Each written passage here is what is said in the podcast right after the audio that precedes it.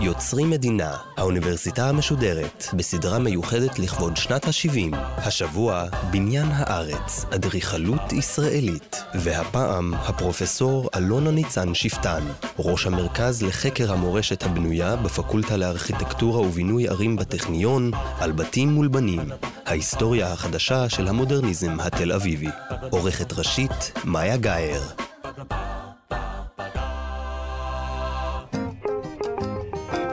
שלום, שמי אלונה ניצן שפטן, ואני אדריכלית, היסטוריונית ותאורטיקנית של אדריכלות. אני מלמדת בטכניון ועומדת בראש המרכז לחקר המורשת הבנויה על שם אבי ושרה ארנסון בפקולטה לארכיטקטורה ובינוי ערים. במחקריי אני שואלת כיצד הארכיטקטורה משתתפת באופן פעיל ובכליה שלה בעיצוב כוחות חברתיים ופוליטיים. בהקשר זה ירושלים מציבה בפניי אתגרים למכביר. בשנה שעברה פרסמתי את הספר Seas in Jerusalem, The Architectures of Unilateral Unification. ניסיתי לבדוק בו כיצד התחרו זרמים שונים באדריכלות על יצירתה ומשמעותה של ירושלים מאוחדת.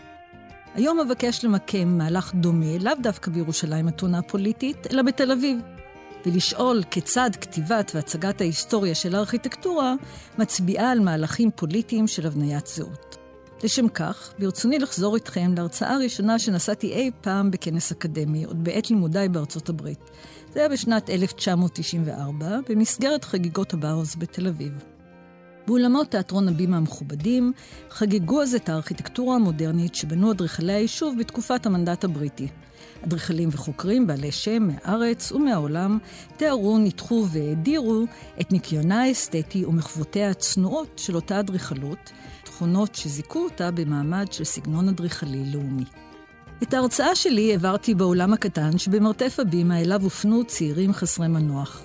שם התחלנו לשאול, כיצד האדריכלות המודרנית, שעד שנות ה-80 הומשגה כעכשווית, הפכה פתאום להיות סגנון היסטורי?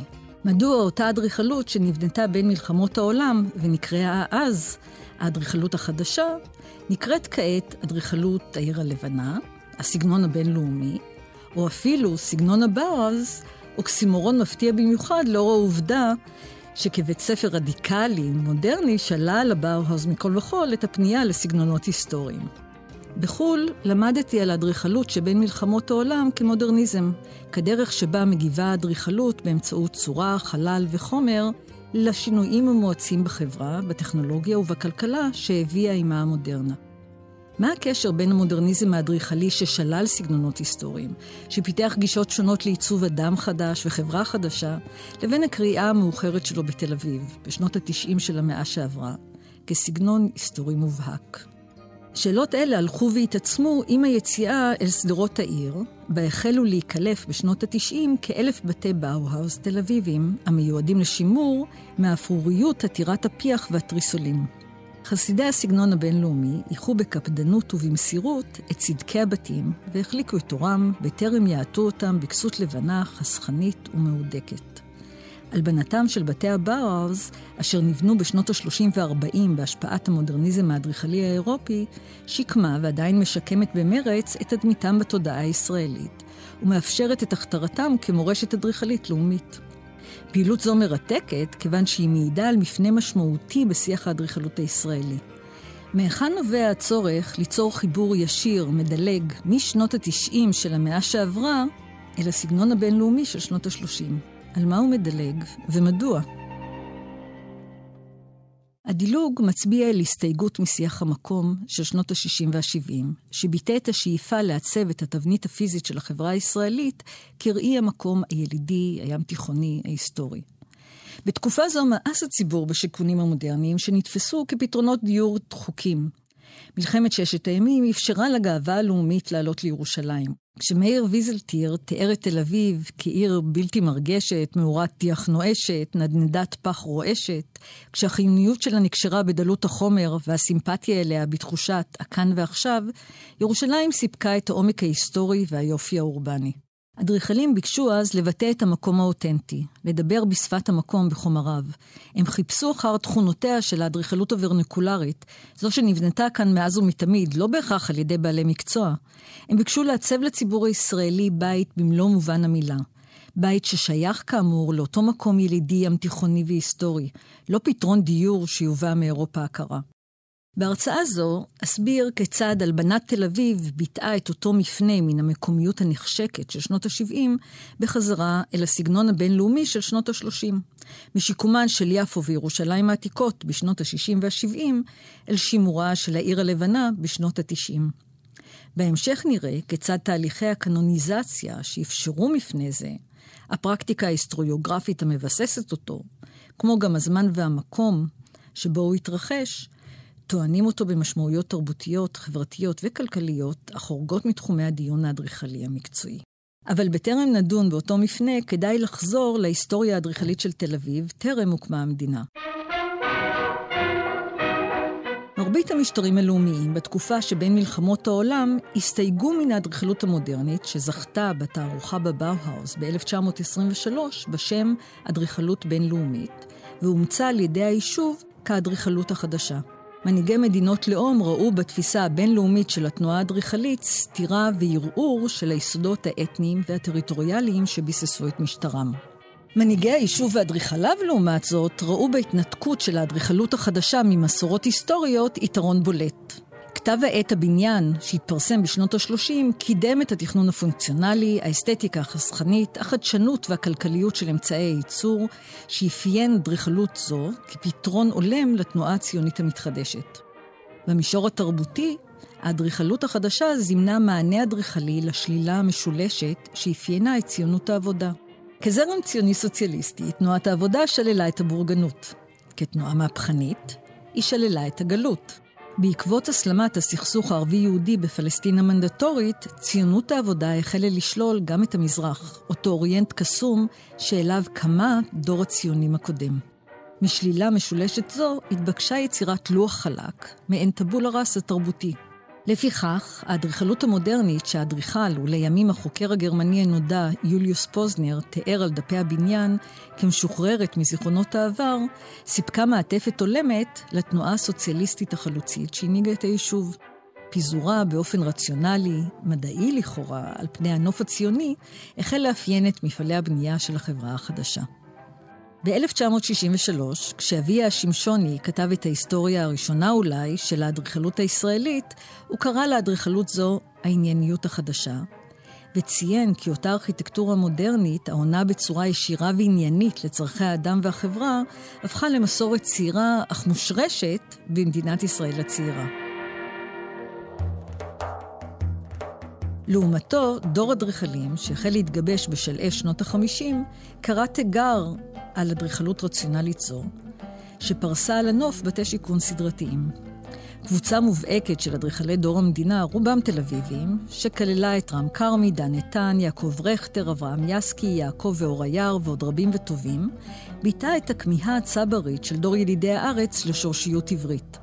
הם הכירו היטב את הביקורת על התנועה המודרנית באדריכלות, שרווחה במערב לאחר מלחמת העולם השנייה, והפנתה את תשומת הלב להיעדרם של נושאים כגון מקום, זהות, קהילה והיסטוריה מסדר היום המודרניסטי ההגמוני.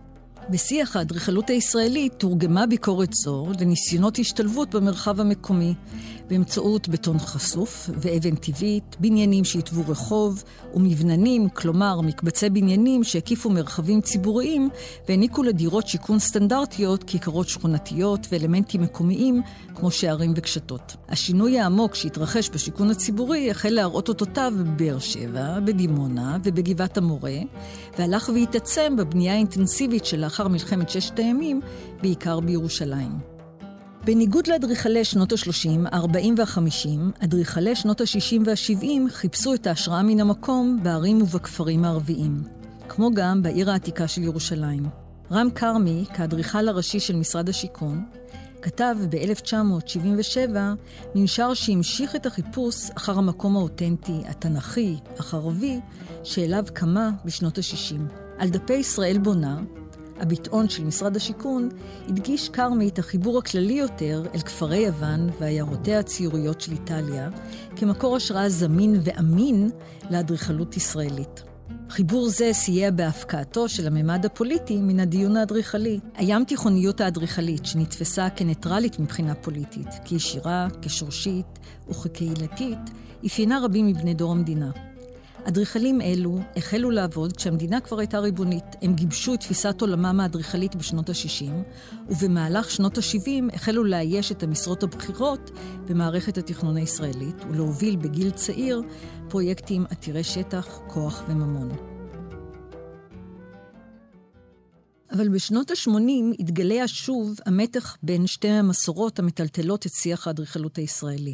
אז החל להתערער שיווי המשקל בין השיח המקומי, האותנטי, הים תיכוני, לבין הדיון במודרניזם האדריכלי המוקדם, הענייני, שהוצג עתה כסגנון הבינלאומי.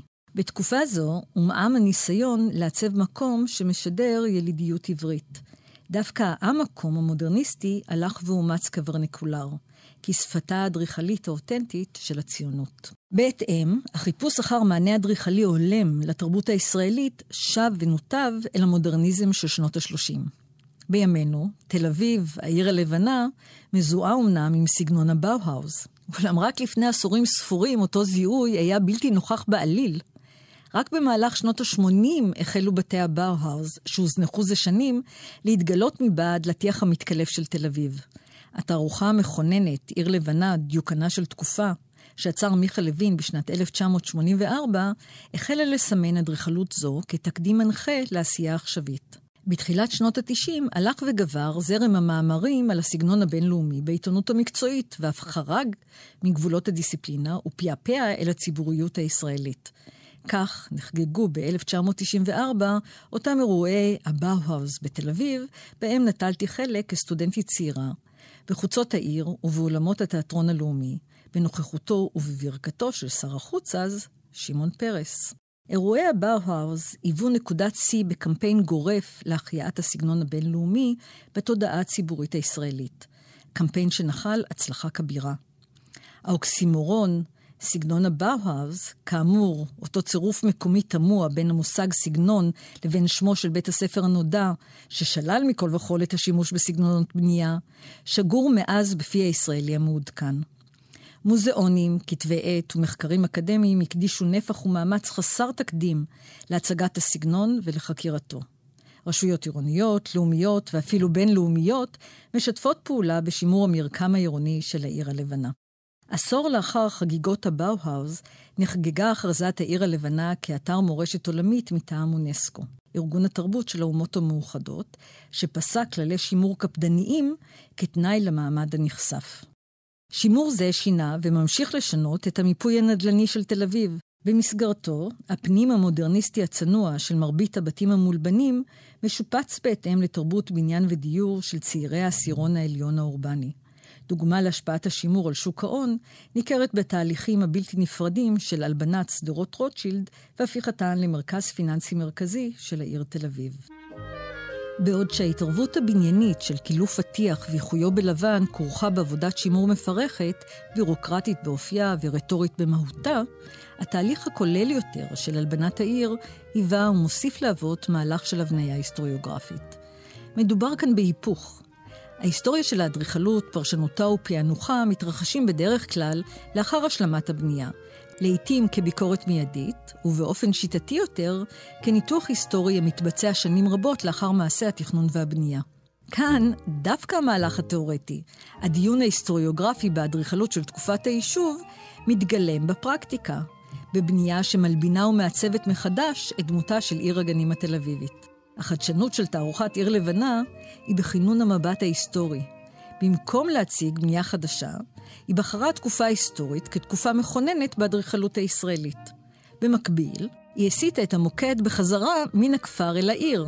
בשנות ה-30, ההישגים המשמעותיים ביותר של האדריכלות החדשה התנקזו אל הכפר הציוני, אל הקיבוץ והמושב שתכננו, לדברי פוזנר, כהיפותזה מדעית. בתל אביב של שנות ה-30 נוסחה אז על חזיתות הבניינים מודעת פרסומת מעוצבת היטב לאדריכלות עדכנית, בדמות קומות עמודים, מרפסות וחלונות סרט אופקיים וקירות מעוגלים, שלובנם הפיג את זיכרון הגולה והמזרח. אבל חזות זו לא עמעמה את ההוויה הבורגנית שאפיינה את תל אביב כבר אז. ההתאמה הלקויה בין חזותה האדריכלית המהפכנית של תל אביב ובין תכניה הסוציאליסטיים הראויים בשנות ה-30 הקלה על אימוצה של חזות זו כתדמית עירונית עדכנית. השיקום ההיסטוריוגרפי של תדמית לבנה זו על הערכים והשלילות המוטבעים בה, מעניק לחלקים נבחרים של העיר הון תרבותי וכלכלי, וסמנו אותם כמורשת האדריכלית הנבחרת של המטרופולין הישראלי. במקביל, השיקום הפיזי של מורשת מולבנת זו ממשיך לעודד ייצור ידע היסטורי על התקופה. בשנות ה-90 התפרסמו מחקרים על האדריכלות המודרנית של תקופת המנדט, שהפעילו באופן בולט מבחינת כמות, איכות ותפוצה על כל מה שנכתב עד אז על מאה שנים של אדריכלות המזוהה עם הפרויקט הציוני. חוקרי אדריכלות ועוצרים ביססו את ההבניה ההיסטוריוגרפית החדשה של האדריכלות הישראלית על סדרת טיעונים, שבנתה את הקנוניזציה הסגנונית של העיר הלבנה. בתחילה נבחרה תקופה קצרה בהיסטוריה האדריכלית המקומית, האדריכלות המודרנית הציונית של תקופת המנדט, והופרדה מהמודרניזם השיכוני של שנות בניין האומה. הפרדה זו אפשרה את זיהוי המודרניזם המוקדם כבעל אפיונים מקומיים, ארץ ישראלים, בניגוד לתדמיתו המנוכרת של המודרניזם השיכוני המאוחר והמאוס, זה שזכה לכינוי פתרונות דיור שנבנו על ידי המדינה בשנות ה-50. בהיסטוריוגרפיה החדשה, המודרניזם של שנות ה-30 הוגדר כסגנון, הסגנון הבינלאומי או סגנון הבאו-האוס, הגדרה המושתתת על מכנים צורניים משותפים. במקביל, יוצרה חפיפה מושלמת בין סגנון זה לציונות, כאילו היו פרקטיקות תואמות ובלתי ניתנות להחלפה במקום ובזמן שבהם נפגשו. אותה התאמה לכאורה ביססה את קבלתו של הסגנון הבינלאומי כמורשת לאומית. כך למשל, בכתבה בעיתון העיר ז"ל נכתב כי ההתאמה בין האסתטיקה לבין חזון החברה החדשה והתחייה הרוחנית הייתה כמעט מוחלטת. מיכה לוין ראה התאמה זו כך: בתחום האדריכלות הצהיר לקורבוזיה, בשנים ההן, על לידתה של אדריכלות חדשה, פחות או יותר יש מאין. ואילו בתחום החברתי, הפוליטי ואפילו האישי, הכריזו ראשי הציונות והיישוב היהודי גם הם על לידתם של חברה חדשה ואדם חדש, יש מאין. התאמה זו נתפסה כאחראית ליוקרה הבינלאומית לה זוכה היום תל אביב, שבה התגלה לפתע פתאום, בשנות ה-80, הריכוז הגדול ביותר בעולם של בנייני הסגנון הבינלאומי. לנוכח הבניה היסטוריוגרפית זו מתבקשת השאלה, האם ישנה ציונות אחת, זו של ראשי היישוב? והאם יש סגנון אדריכלי אחד שתואם אותה באופן כמעט מוחלט? במילים אחרות, האם היו קולות חלופיים שאינם מיוצגים כראוי בדיון האדריכלי? עיון היסטורי מקביל במודרניזם האדריכלי של תקופת המנדט ובמצע החברתי, הפוליטי והמוסרי של המפעל הציוני באותה תקופה, מערער את טענת ההתאמה הישירה בין השניים. בשנות ה-30 התנהלו ויכוחים נוקבים בקרב אדריכלי היישוב על ביטוי אדריכלי הולם לכינון המחודש של העצמי, תרבות, לאום, חברה ודת יהודית, ושאלה אחר, האוריינט הערבי.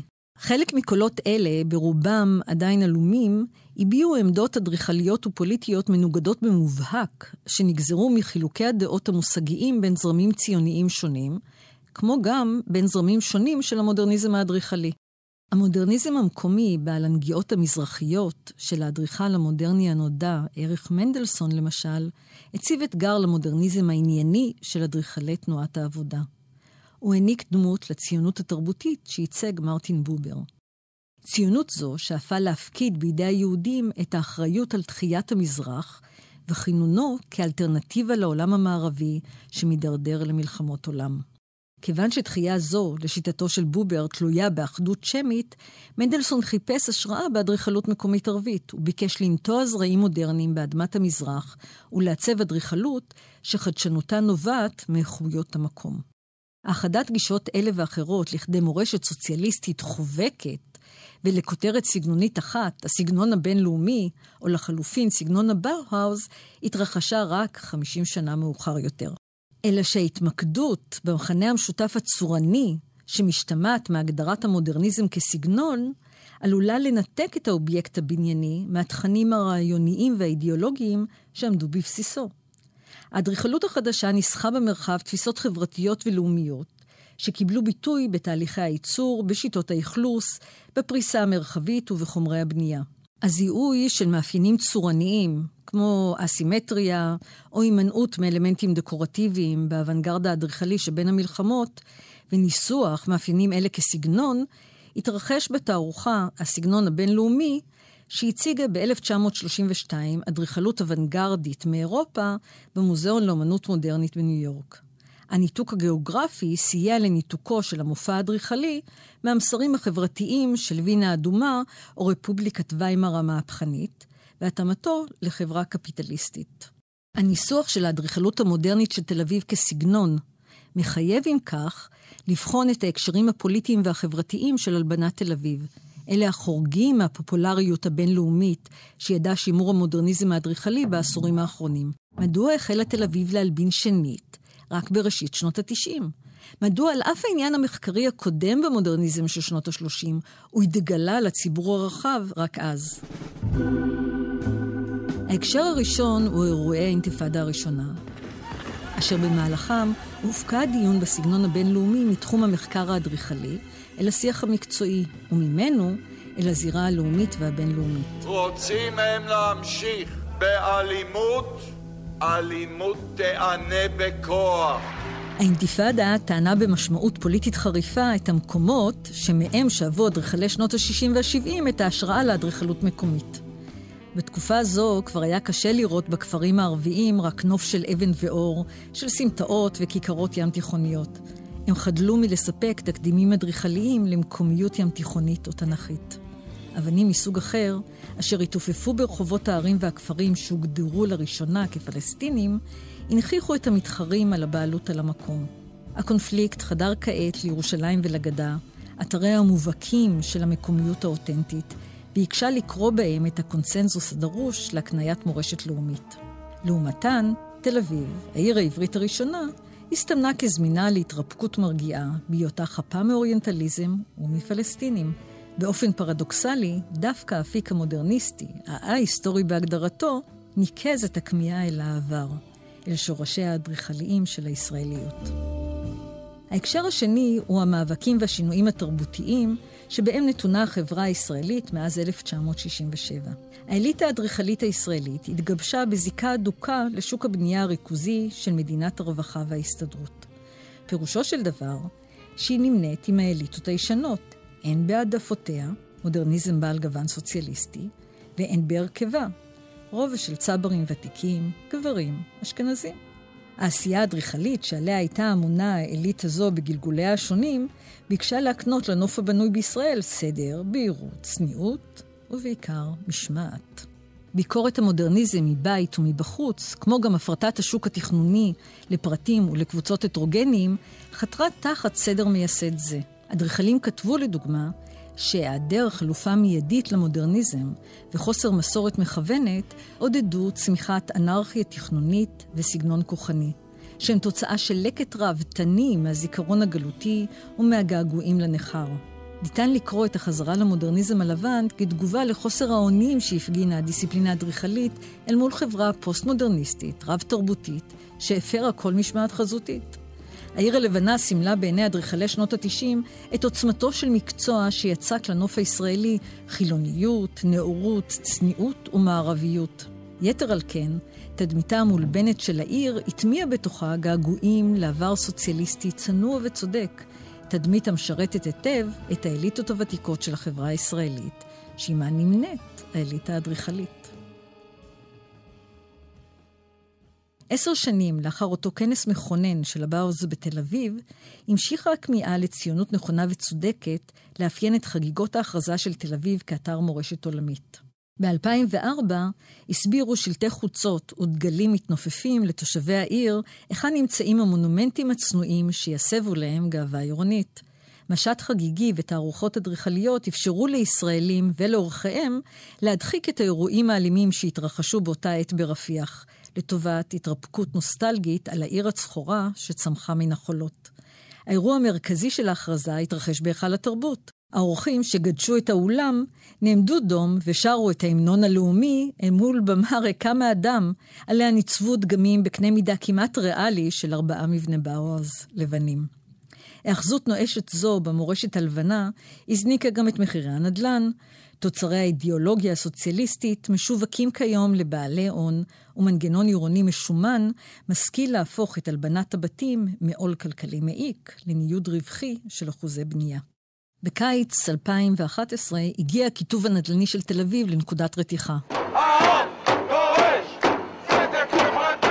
שדרות רוטשילד הוצפו באוהלי מחאה שזעקו כנגד יוקר המחיה וגסיסתו של הדיור הציבורי. וראה זה פלא, למרות הקשר ההדוק שבין הדיור הציבורי למודרניזם האדריכלי בעשורים בעם ישראל הייתה עדיין מדינת רווחה, ועל אף תפקידם המרכזי של ארכיטקטים בעיצוב נוף המדינה, לא הדהד קולם של אדריכלים ומתכננים במהלך המחאה.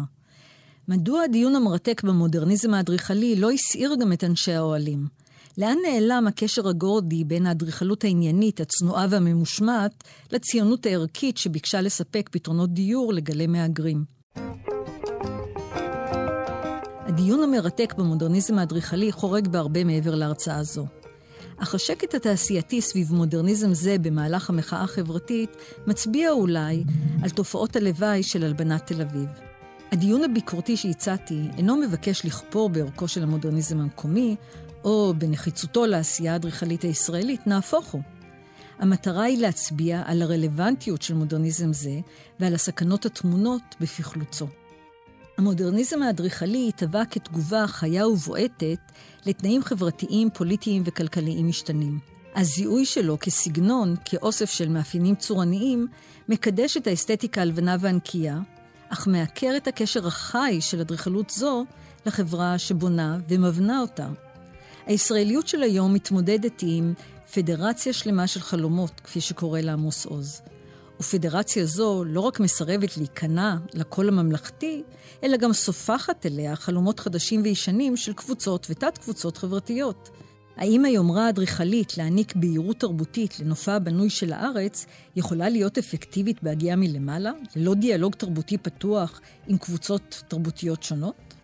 צמצום הדיון במודרניזם האדריכלי לאפיק הסגנוני עלול לא רק להפוך את האדריכלות המודרנית לתדמית, מסוג אלה המסמנות את הניני העשירונים העליונים, אלא עלול גם לרוקן מודרניזם זה מן התכנים החברתיים העכשוויים שעימם הוא נדרש להתמודד. השנה חוגג הבאו-האוס 100 שנים להיווסדו. ייתכן וזו הזדמנות לבחון את הרחב, ולשאול מדוע דווקא בית הספר הרדיקלי, שחגג את הקשר החי והמתחדש תדיר בין ארכיטקטורה לחברה, פוליטיקה ותעשייה, העניק את שמו לתהליך ההלבנה של הזהות הישראלית תחת מעטה אסתטי מפייס.